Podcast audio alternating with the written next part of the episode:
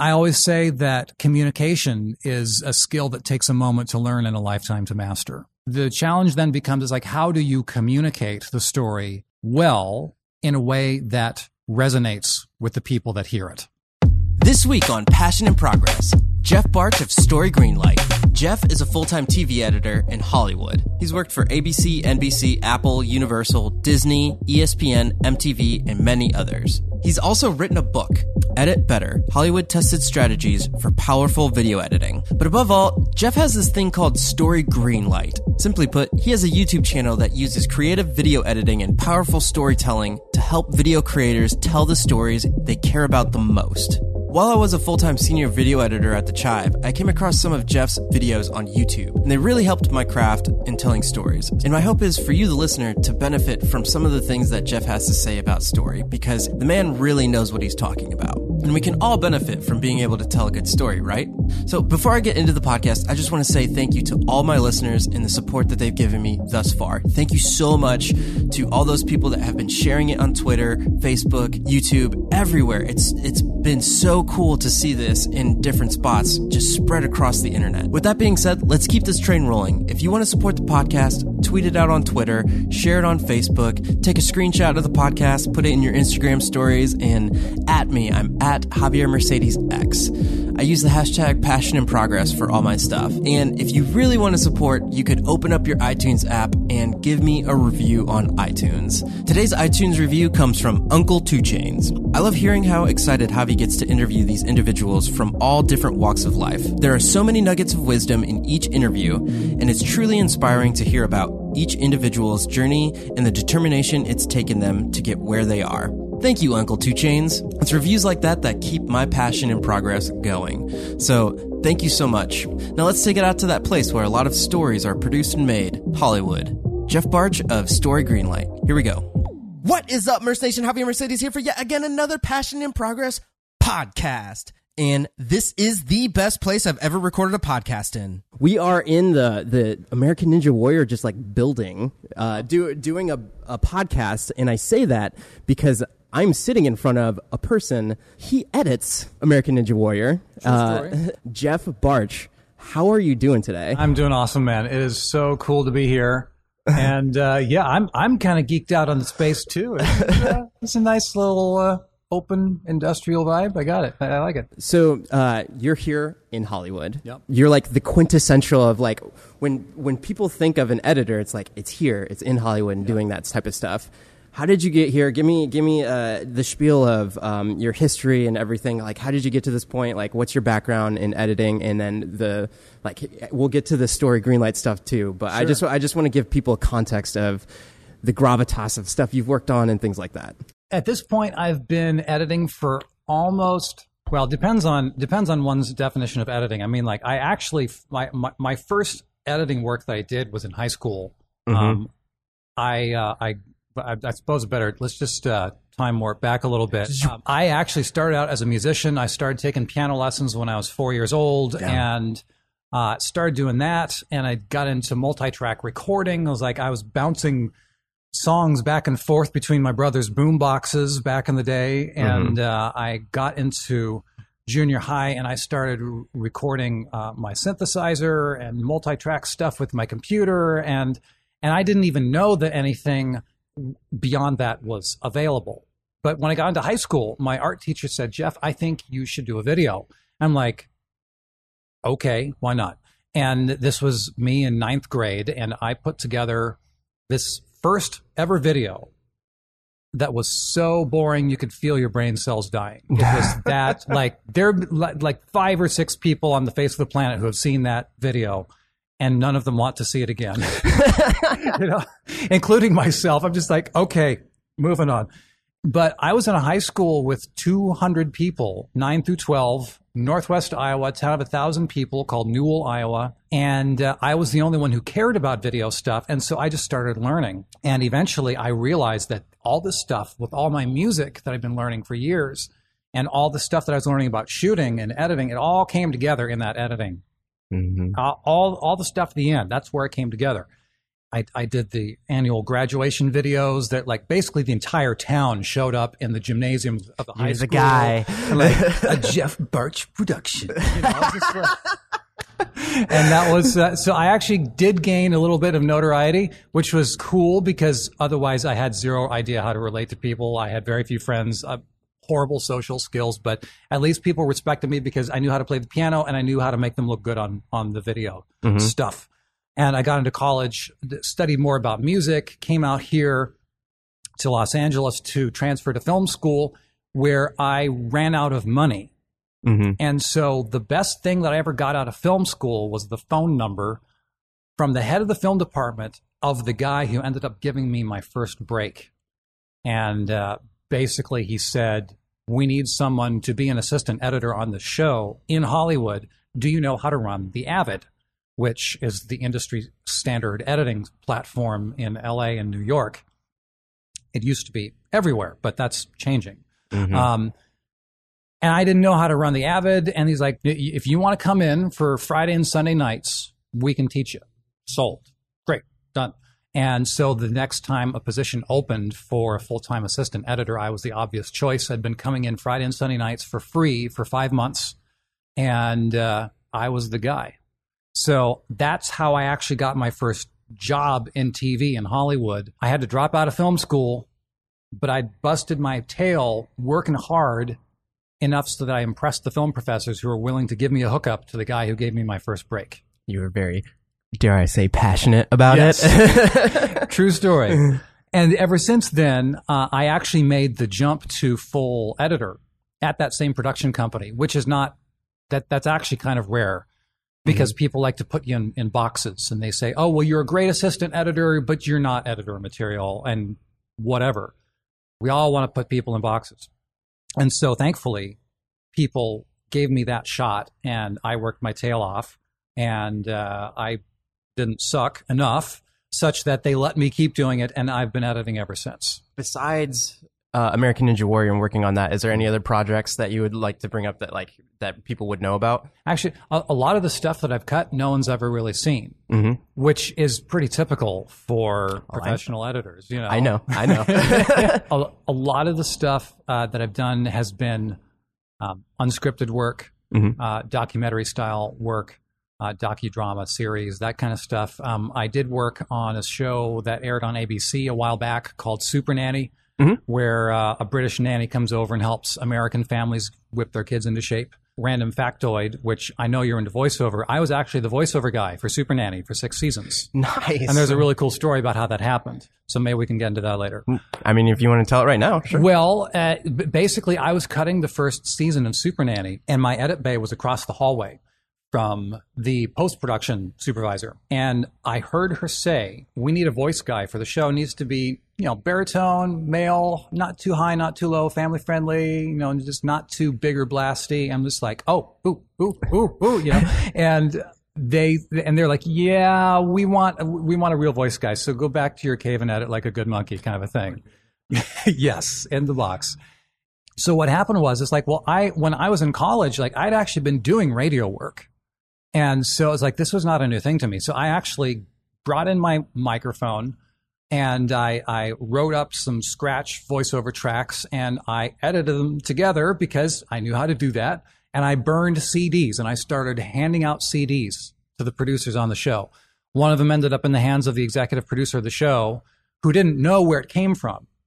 And he popped it into his laptop, started listening. He's like, okay. And then they, and he's like, who is this? He's like, oh, that's Jeff. Bay number four. It's like, what? Calls up the, picks up the phone. Jeff, get in here. so basically, my scratch tracks, my temporary tracks that I recorded, they let, they let me record temporary tracks for that first episode of Super Nanny. It went out to network, and no one at network complained. So I ended up being the guy for six seasons. That's awesome. Yeah. What was, so what would that entail? Uh, was it just like transitions and everything? Like, and then they went to this spot, but like, what, what was a typical thing that you no, would say? it- most most of the time it would be it would be like the cold open, like the first ninety seconds of the show. Coming up on Super Nanny tonight, Joe Joe meets the Smith family. The Smiths family are a nightmare. You know, just that kind of stuff. And of course, you got to get you got to get you got to go high and you got to go low. Will Joe figure it out? You know, it's just, it, it sounds totally cheesy to talk like this person to person, but when you hear it on playback, it actually, it's, it's the energy that translates that you need. Yeah. If only everybody talked like that in real life, it would be great. I think that would be weird. Yeah. So I think one of one of the things that fascinates me um, b- about voiceover is people don't understand the the how much there is just everywhere. Everything or just sound in general, just everything has 50% of all video is sound. So, it, or, and it doesn't even have to do with video. It's like you get onto a bus. Well, who do you think is somebody had to record that thing that says, don't watch your step? Like somebody recorded that in another place, you know? So, I think like when I hear stories about that, it's like you never know like a voice behind something. And uh, whenever I go to like say a transit system and I hear something, I'm like, oh, that's Tony Mansano. I- I've recorded him. Like, oh, that's like, that- like he's the he's the guy for whatever. Or I'll like like try this new vitamin thing and like I'll Yeah. hear it and I'll be like. Oh, that was uh, like Mike Stout or something like like Yeah. like in the in the in the realm of things, but I I find that so fascinating. Getting to Story Greenlight and what you're doing now, uh, there's one concept that I know will come up uh, that you that's a through line throughout your videos. But I there's another video that I was watching and there was a phrase that was said. I, I forget that it was it was another YouTuber, um, and he's a salesman. And at the end of the video, he said, "Facts tell, stories sell." What does a phrase like that mean to you? Oh man, that means that means are you being human or not? I can't tell you how many times like like I'm I'm a big audiobook guy. I'm I'm an oral learner. I love hearing things. So like when I'm listening to an audiobook, there are things where if the if the audiobook is talking about this is the things that are this is the way things are and this is the way things ought to be or or like it's talking about nutrition and it's talking about these really dry facts and everything. I'm just like, uh, okay, I'm struggling to follow along. But man, if you if you wrap that stuff in a story and you put fine talk about all the medical facts or all the the features of your product but if you wrap it in a story all of a sudden people have a way to latch onto it. They have a way to identify with that. And all of a sudden they have a way to care. It's it's i can't i as you could get i i could i could ramble on this forever. Um because like story is one of the primary ways that we connect as human beings period. It's the it's one of the main ways we make sense of the world. And we've been doing it for thousands and thousands and thousands of years. And so when people when people talk about it, it's like well i don't know if i have any stories to tell or i don't know how to tell stories. It's like number one that's patently not true because we're all living a story. Our lives are a story. We start we're born there's stuff in the middle and then we come at some point to an end. We are all living a story. And it's just the the, the challenge then becomes is like how do you communicate the story well in a way that resonates with the people that hear it? With uh, in terms of what you do for a living, how does that relate? Well, so for instance, you talk about American Ninja Warrior. Um, so it's this massive, massive show on a massive television network. It's not just a television show; it has literally become a movement of people who are like, "I want, I want to get off the couch, and I want to get more active, and I want to challenge myself with these obstacles." Man, you want to talk about fighting to overcome obstacles in a ninja gym? That's exactly what we're all faced with in our life from day to day. One of the big ideas that I'm always talking about is this is is the thing under the thing, and, and I'm like, and I'm like, okay, are we going to go? This like, when should we go? This like because th- this is a big, big, big deal. I mean, like if you get this, if you get this when you're telling a story, your audience will love you for life, because so often what we do, we go about our daily lives and we see what's happening on the surface. But then we find ourselves feeling stuff. Whenever we see a thing or an event and we start feeling stuff, nine out of 10 times it's because it's being driven by things underneath the surface element. And so the surface is what I refer to as the thing. It's being driven by the thing under the thing. It's the layers of symbolism and context that add additional layers of meaning under the surface. So on a show like American Ninja Warrior, it's it's right there in front of you. I mean, like it's an obstacle course. We face obstacles throughout our life. Will the athlete overcome the obstacles? Will will he or she get to the end? And and and so it's like that's that is the overarching thing. It's an obstacle course on American Ninja Warrior. The thing under the thing is struggling to overcome what stands in our way. And man, I don't know anyone who can't find a way to identify with that. And that's one of the reasons why the show is so incredibly popular because it has all these different ways for people watching it to resonate with what's happening underneath the surface. It's such a physical representation of an analogy of overcoming a challenge. Mm-hmm. Within uh, my own uh, journey doing this podcast, in relation to uh, watching your own content and asking myself those things uh, as an editor, like when I'm seeing something, I'm like, I'm asking myself, well, why are we doing that? Why are we showcasing this B roll at this point? You know, as I go through an edit, if I'm like sitting in the room with somebody or something like that.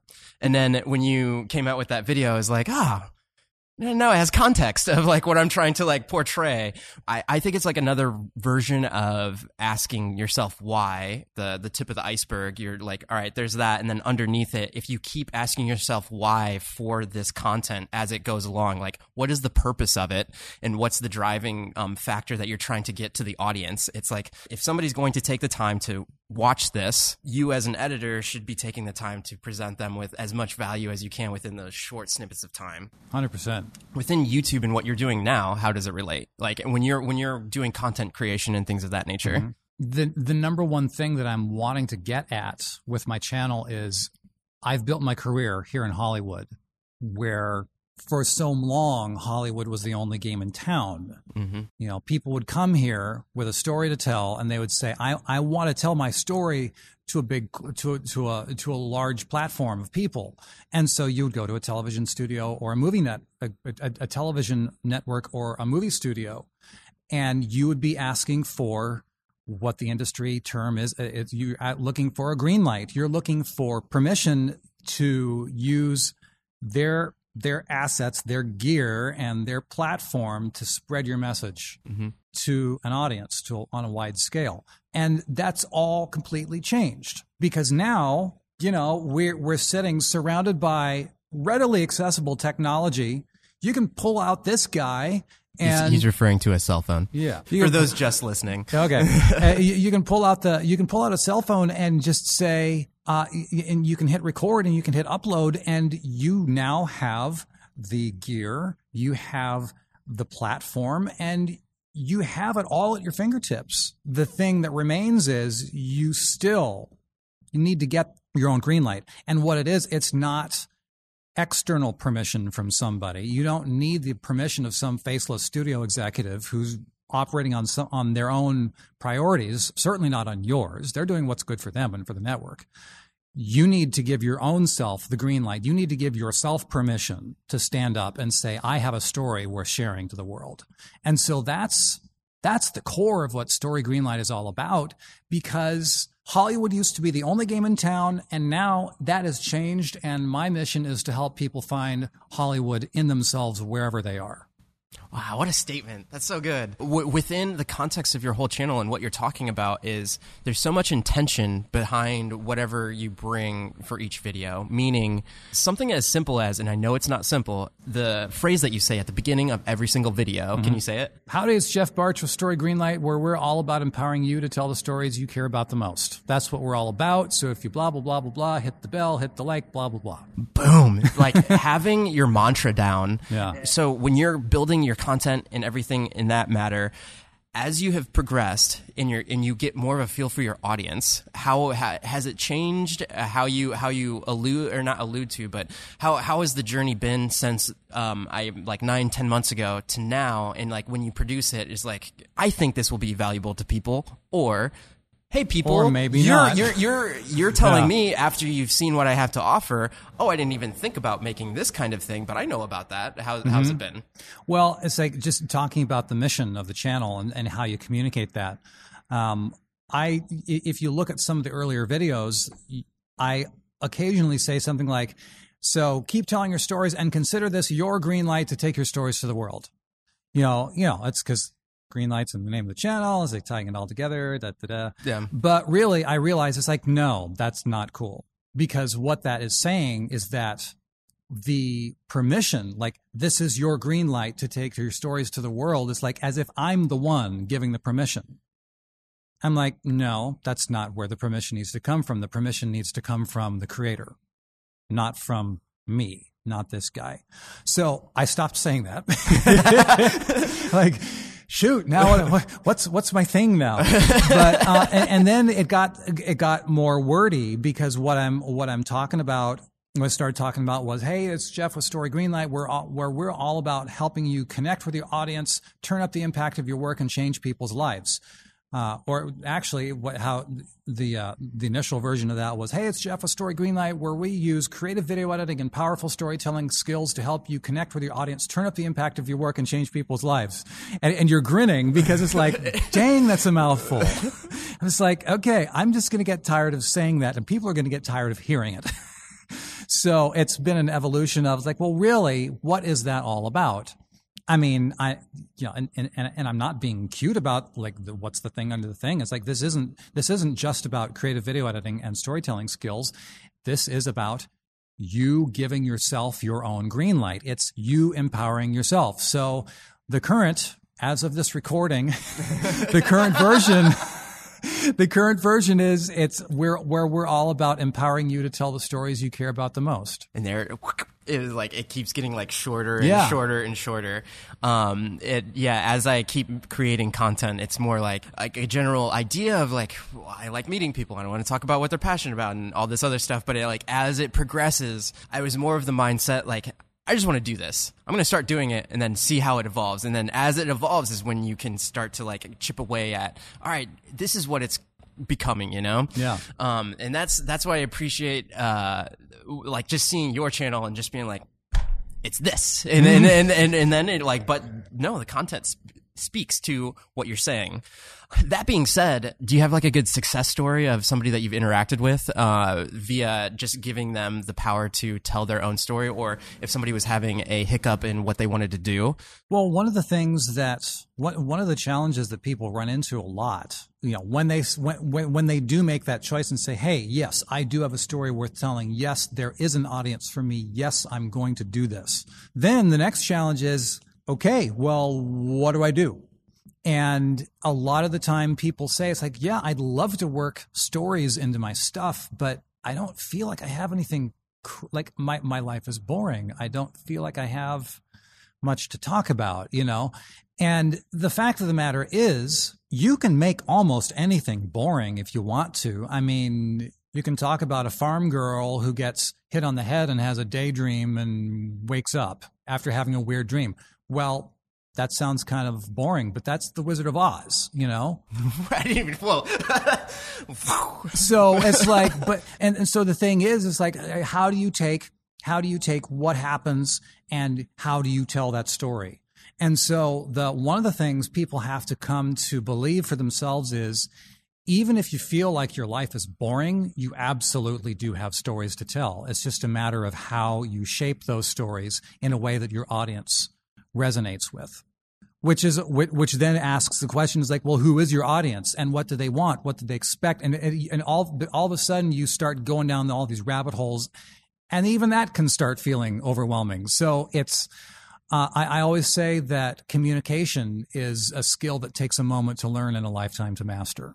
And i'm most definitely still learning myself that speaks towards one of your other uh, videos and the concepts that you talk about. And I, I kind of wanted to put a dovetail on it, and it's the quantity versus quality. Yeah. And I think, in my mind, the argument is quantity till quality, or quantity, like the more quantity that you have the more the like it gets to the point of quality but you want to just put out quantity and become more effective to produce the quality by just putting out quantity there were so many qu words in there but um can you can you speak about that Yeah, for sure. I mean, like, and, and I'm just, I'm, I'm just going to go straight to the story that I told in that in that video.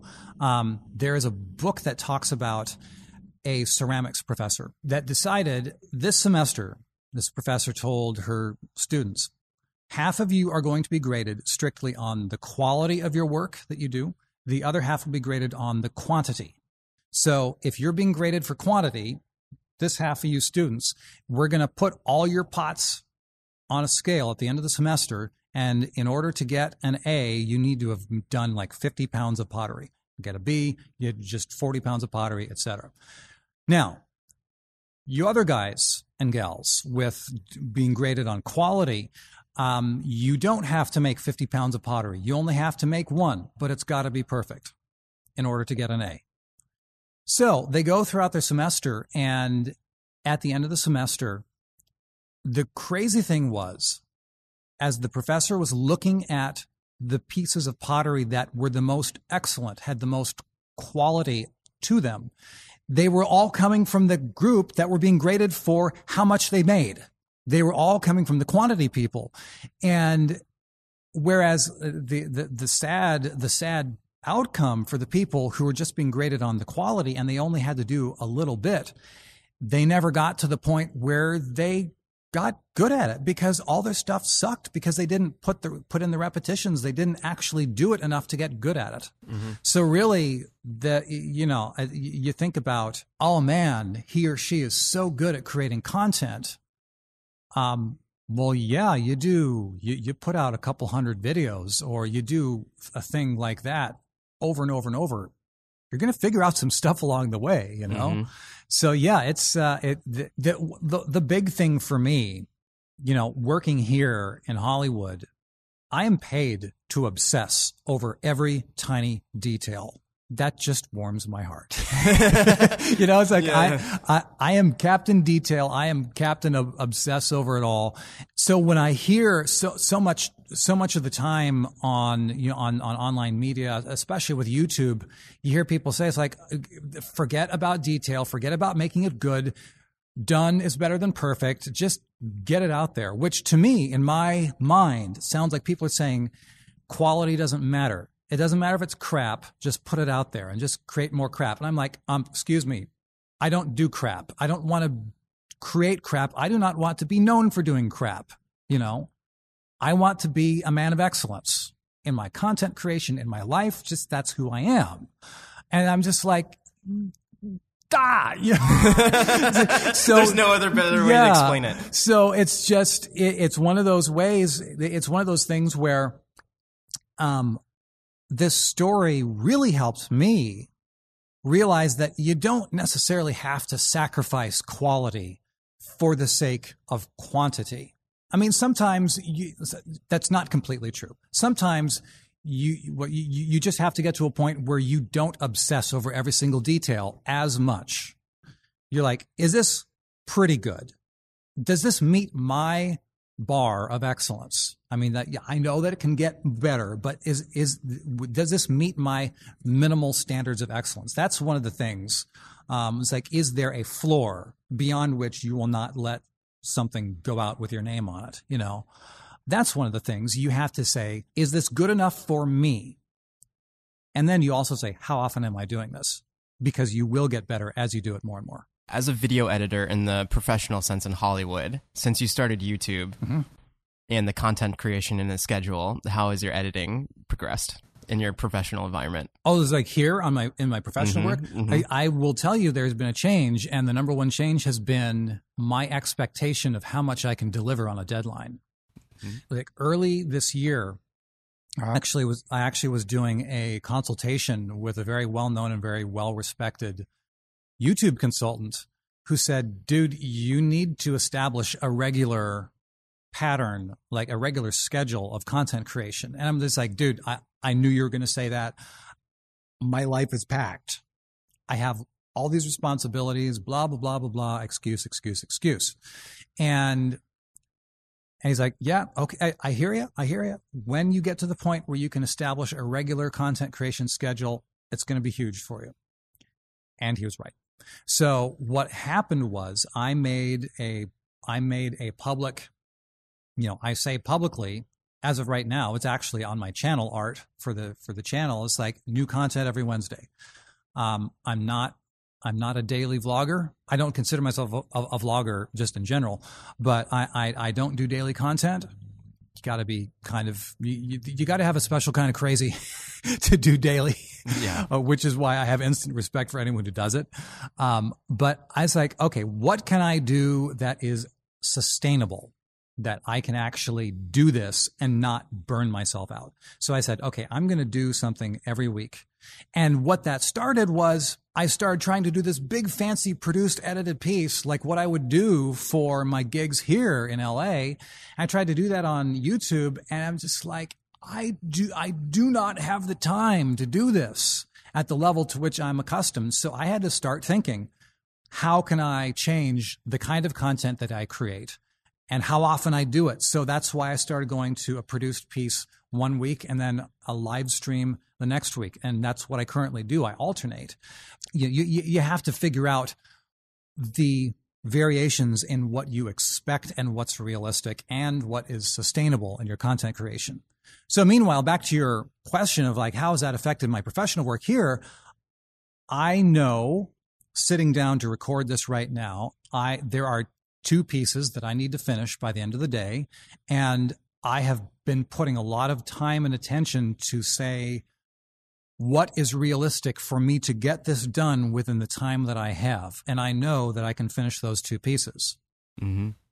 Yeah when I was working at the Chive, that that's one of the biggest things. When I, I went daily for a month, and uh, right. uh, and I was doing I was doing a daily uh, vlog f- that month, and it was it completely changed my whole like I think my capacity as a video editor in a professional sense like skyrocketed because Yeah. there there was so much of like there here's this shot. It's a little shaky but and then like literally in my mind i could think what's what's important here? Like what what's the message i'm trying to get across? And it comes back to the thing under the thing where where I was like uh, going from piece to piece is like these looked nice. This was this. And then i could play the music in this way and get it to hit this way and do all this stuff and all that. And then i it just drawed the curtain back and was like what's the most important thing that you're trying to get with this piece of content and f- reverse engineer it from there. Like, what are the things that you're like that you need to do? And then it like it switched my whole mindset of like, all right, well, we I know we have that on camera, we have this other shot, we have these, and then it can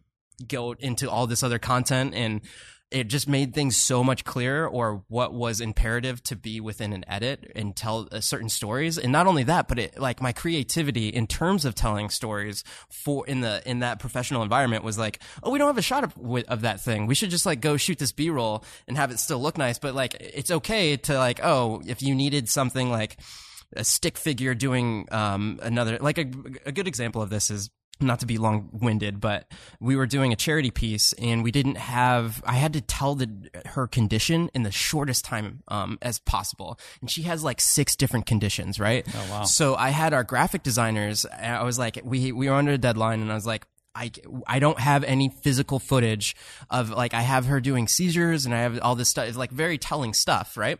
But um, I I wanted to give the audience the the whole spectrum of what she had. So immediately I was like, oh, let me just go grab uh, one of the graphic designers. They're really good at drawing. Like here. Here's a stick figure. Draw her as a stick figure. I'm going to give you the acronym of all the things that she has, and then they they put them on there and then every time I brought up a new condition, I would like I would just do VO. I would like I'd put VO into there and then I would explain the condition and then move on from there. Within like 30 minutes we had the piece and then I slid that in there and it just tied everything together. But it, it but it was just one of those things where I didn't have physical representation to tell that in a the the shortest amount of time, especially for the internet, you know? So, and it was like thinking about things like that. Like, I wouldn't even have like dreamt of like, oh, well, we don't have that footage. Guess I'll have to like bang my head against the wall trying to think of where the story is right here, you know? Yeah. Um, to that end, uh, speaking of music, what's interesting is that we're we're both music majors, right? So, uh, I, d- is it a thing that like video editors are uh, into music as well? Like, I, I, because you're not the first person that I've met that like has a music background and then also just like segued into doing video production. Yeah. Well, and I will say, I I've had a lot of producers say to me over the years that I've been cutting here. Uh, they're like, my favorite editors of all time all have a musical background. That's that's that's it, no, it's not just you. It's like It's, just weird to yeah. me that that's a thing. Like the Well, way that the brain forms. I'll, I'll tell you. I'll tell you. There's a huge. There's a huge crossover between uh, because as soon as you get beyond like the mechanics of, you know, holding the instrument to your mouth and working the working the valves or whatever, or, or pressing keys or, or or whatever the mechanics are of playing the instrument, you start thinking about melody, rhythm, emotion, pacing. Hello. that's that's exactly what you deal with when you're crafting when you're crafting something in the edit. It's, it's about story. It's about through lines. It's about emotion. It's arcs, character arcs, story arcs. It's just like you have you know arcs uh, arcs of mel- uh, melodic statements in a piece of music. It directly it, it directly uh, follows into the editing world too. Yeah, and I had other people have the same comment where they would they would say like putting music to the piece, and I, I know you talk about this on your channel uh, a bunch in terms of j- a piece could just like you could slap the music underneath, and then it could sound and it could uh, do something for er, to elevate the piece just a little bit, but um, putting forth the effort to find the right type of piece, which I think in the edit bay, if you're the one doing the music search, sometimes that can be the most time consuming part Yes. of uh, telling a compelling story because you want everything to hit just the right way, and then you're you're orchestra, you're composing it, you're composing a piece.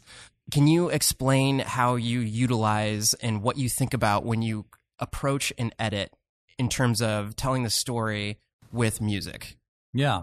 Well, first of all, you have to know what the story is and what you want to say. And then you start thinking about what matters to your audience. And so, what elements can you lean on editorially and feature them in such a way that they will land in a more meaningful way with your audience?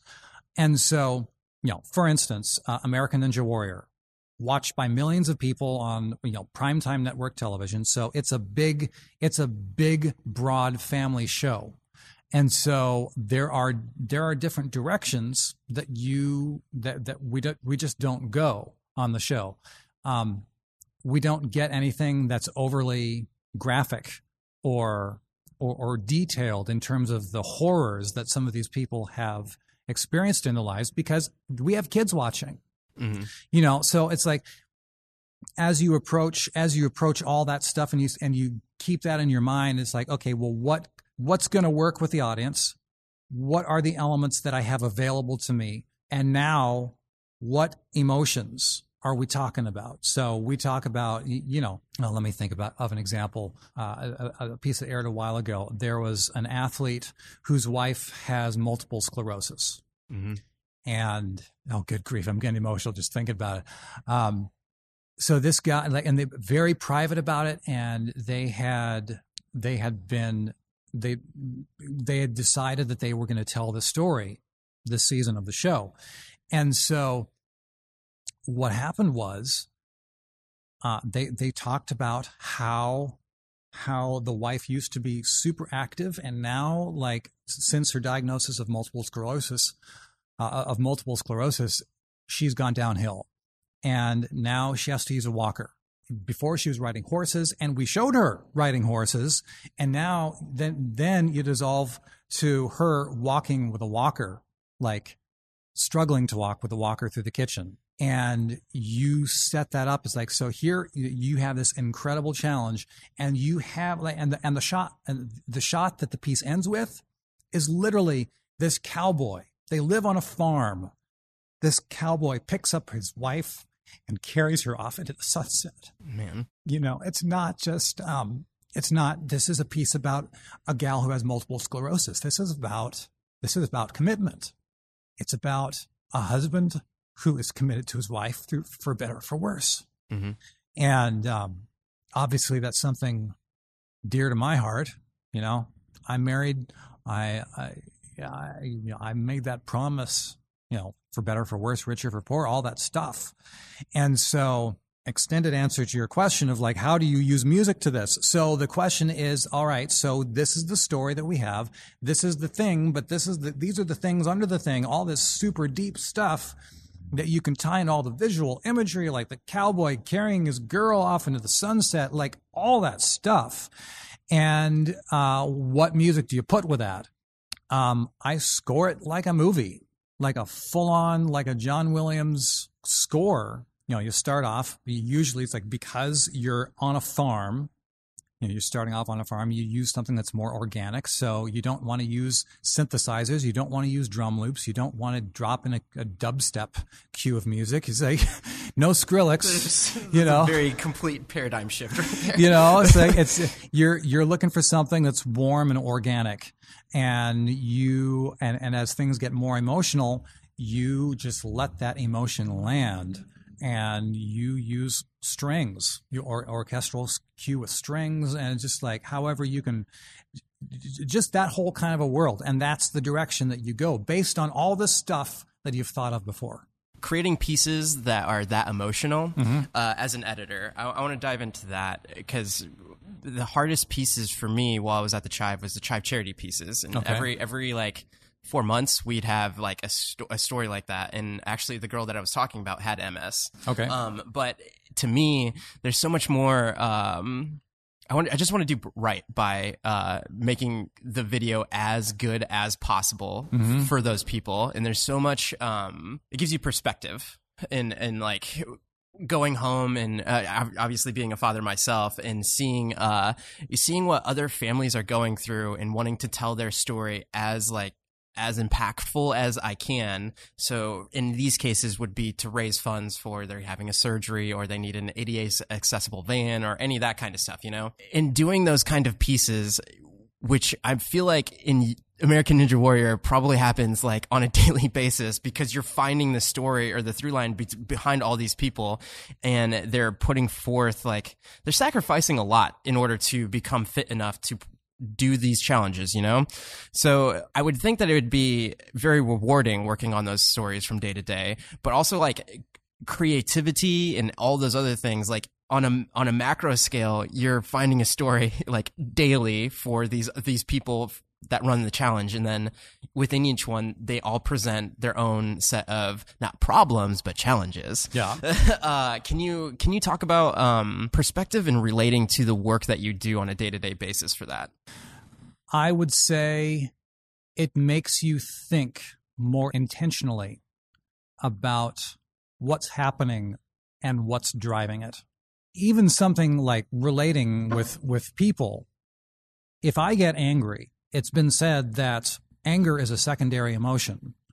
You know, if you're angry about something, it's the, the, anger itself is not the thing. It's just the thing on the surface. I'm getting mad, but the question is, why am I getting angry? Why am I frustrated? And there's all sorts of reasons why that could be. You know, it's like one of the big things. Uh, one of the big things is like if I feel disrespected by someone, that brings out anger as a secondary emotion. So that's what people see on the surface. But that the thing under the thing is, I feel disrespected.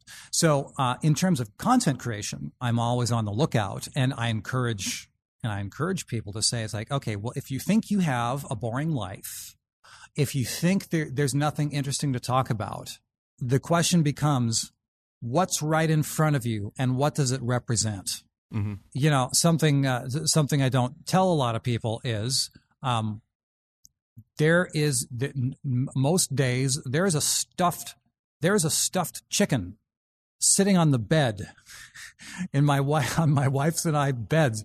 There's a stuffed chicken sitting there, uh, hanging out on the pillows. Sometimes he's sitting, he's doing a headstand, or sometimes he's just hiding under the pillows. But what that's, you know, that's not just a stuffed chicken. That is the chicken, da chicken. Can't wait to see where this is going. and what that is, uh, it's uh, what what what that is is uh, when my wife and I were dating, uh, I found this stuffed chicken mm-hmm. in a store, and I and I took some pictures of it of myself with it. Uh, with him, with the chicken, and uh, I actually sent him in a package to my now wife when we were dating. Uh, that goofy little stuffed chicken has become a symbol of our relationship which is why there's a stuffed chicken sitting on our bed at home right now. you know, so it's and and so just you, you tell people that you're like, um, what? You have a stuffed animal on your bed? two grown adults. It's like what what's up with that? Well, it's it's that that's the thing. But the thing under the thing is, it's like well, you you you have to be give your, you have to give yourself permission to not take yourself too seriously. Mm-hmm. And you also uh, you also realize it's like this was something that we exchanged. This was like my my wife was living in Ohio when I was living in LA while we were dating. Our entire courting was long distance. So the ways that we exchanged life with each other, um, a lot of talking on the phone, also just sending each other packages and stuff like that. That you know that becomes a symbol of of our relationship and how we've grown. So um, for people who are looking into how they can create content, there is always something under the surface. Mm-hmm. Yeah, I, I love talking to other editors and then just like getting their perspective on things because I feel like they they look at the life in general, not necessarily through a lens, but like like this room in general. Mm-hmm. It's like, oh, what's the story behind the room that we're recording in right now, no. or or just like us meeting as, as like the physical representation of like our interaction right now, the story behind it. Like, oh, no. like, oh, uh, I stumbled across you on YouTube and you're, you're like a digital person mm-hmm. whatever provide, like I'm, I'm sitting in an edit bay and I'm like, oh, I'm looking up, I don't know, I forget the very first video that I popped up uh, with you, but I'm sure I was looking for something editing wise, right? And then you're you're on my screen, and then like fast forward like nine months later, uh, like I'm here in in a space, like talking to you, like just knowing the context of what's happening. It's it's like that that kind of stuff I can talk about all the time. It's cool. But but that also relates to like the voiceover thing too. What, I, what we were talking about earlier was like, oh, if you hear the voice, then I like I start to backtrack of like, oh, somebody recorded that voice and mm-hmm. all that kind of mm-hmm. stuff. But yeah, as we start to wrap up, let's talk about your 27 questions to tell a great story. You know? Yeah, yeah. Um, so can you give the listeners what that is and what you do on storygreenlight.com? one of you know one of the questions that I always ask myself is like how can I bring how can I provide value and I'm always looking to say, say, how can I give give value to the people who inter- interact with me, um, in person or digitally or whatever. And so, um, one of the things that I came to realize is that when people say, it's like, how do I create compelling content? How do I tell a great story? Uh, I keep coming back to the idea that like you have to have asked a lot of questions. Sometimes it's just a few basic questions, but to really dial things in, you have to ask a whole bunch of questions that will shape the way that you shape your content. And so, like over the last basically 20 years, I've been figuring out what these questions are, and I've put them into a list that's uh, that's available for for download for free to anyone who wants to get a copy. Uh, it's it's called 27 questions to craft the perfect video.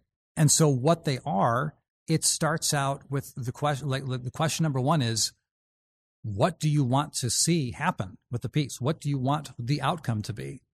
You know, if you uh, if you've ever if you're familiar with the book uh, by Stephen Covey, Seven Habits of Highly Effective People, his uh, like oh dude, amazing book. okay. Highly recommend. Uh, Seven Habits of Highly Effective People. like the first thing he talks about is begin with the end in mind and he tells a story about basically you're looking at your own funeral and what do you want to see happen to your own funeral. And uh, so I don't go quite that serious. yeah, yeah. Thankfully, but uh, the, the question number one is, what do you want to see happen? What do you want your audience to know, do, feel, or experience after experiencing your piece? So that's ground zero, and then it goes on from there. It's saying, that's that that's what you want to see happen but who is this for and then that's when you start asking like who is my audience what do they want? What do they expect? What do they not expect? Should you give them what they want? Should you give them what they don't want? Should you give them what they expect or what they don't expect? It's like uh, so all of a sudden you start getting boom boom boom boom boom. And then you you you start getting that stuff in and you're saying okay so what how am I actually putting this story, putting this content together? Is there story structure available? Because story is so incredibly powerful in making human connections. And so you're saying, you're asking questions like, does this piece tell a story? If so, how? And it just, you, you just go on and on from there. it's and you know it, it it blows my mind how often that the answers that we're looking for for how can we make this piece better so often come from not just asking questions but asking the right questions so this is my offer to help people move along that journey for themselves Mm-hmm. And even if you have, like, because obviously I've used it as well, had it posted right next to my computer. it's like, print off the checklist, here we are. Yeah. Um, even if you already have a piece of content, you can, uh, say you have your first rough draft or something like that, and you're looking at it, then you start to go down these questions themselves, and you're like, and then you start looking at them, and you're like, huh, start starting to address little snippets of whatever, and then if you can answer those within the context of the piece, it's like okay, cool. It's like Yeah. it, it goes through the checklist, and uh, it's like very extensive. So Yeah. Well, and and the thing is, you you get to a point like I I've basically internalized all these because I just I, I use them every day, and so it's easy to lose sight of things. So there was a time when I was actually putting together like a video course explaining more about this download, and I'm like, okay, fine. If I'm going to be putting together a training, an online training about this, I better like walk the walk and actually go through these questions myself. And I just sat there laughing at what happened because I used my own questions from the checklist that I put together and I actually answered them in the light of this training that I was doing. I'm like, and it changed, completely changed how I was approaching things. Mm-hmm. So it's like it, you, you will never run out of ways to look at what you're doing and to say, how can I shift context? How can I make things different? How can I look at this in a different way? yeah. Again, what what's the product? Um, well, and it's there's there's a course. It's a course called basically 27 questions to craft the perfect video, and it's uh, video training itself. So, but the uh, the checklist itself is available for anyone for download for free. but he goes into uh, much deeper depth for each question. Yeah. The last question I always ask everybody is in your line of work, if somebody say they were just graduating from college, or in your case, uh, leaving and then taking up the the assistant jobs and all that stuff. Or, or even just like saying it's like, hey, should I start a YouTube channel or, or something like yeah, that? Yeah, exactly. What's advice you would give them? I would say you have to decide what matters to you. It's deep. You have to decide what matters to you, and you have to decide how you want to live in light of that.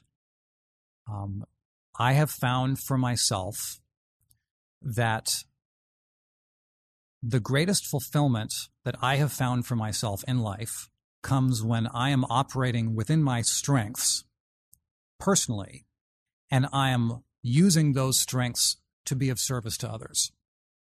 And so I would say that I mean that that's really been the key for me for finding for finding a way that I can love what I'm doing and and create good in the world.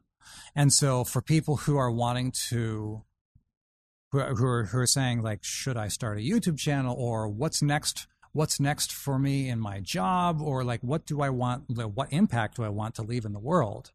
I would say I would say that find out what matters the most to you and then find out how you can be of service to others in the process. I love how it's not even um, it's not even geared towards like video editing or anything like that. It's more of a global, just from a person to person. Yeah. thing under the thing. with Jeff Bartsch, Story Greenlight. Uh, where can people find you? storygreenlight.com is the uh, that that's the easiest way uh, and you can look up you can look up story greenlight on youtube um, and you'll you'll find us there Man, this has been so good. Such an awesome stuff. conversation. It's so cool to see you and meet you in person in the best place where I've ever done a podcast. very cool Uh, and uh, just thank you so much for this whole experience, Yeah. especially for your time.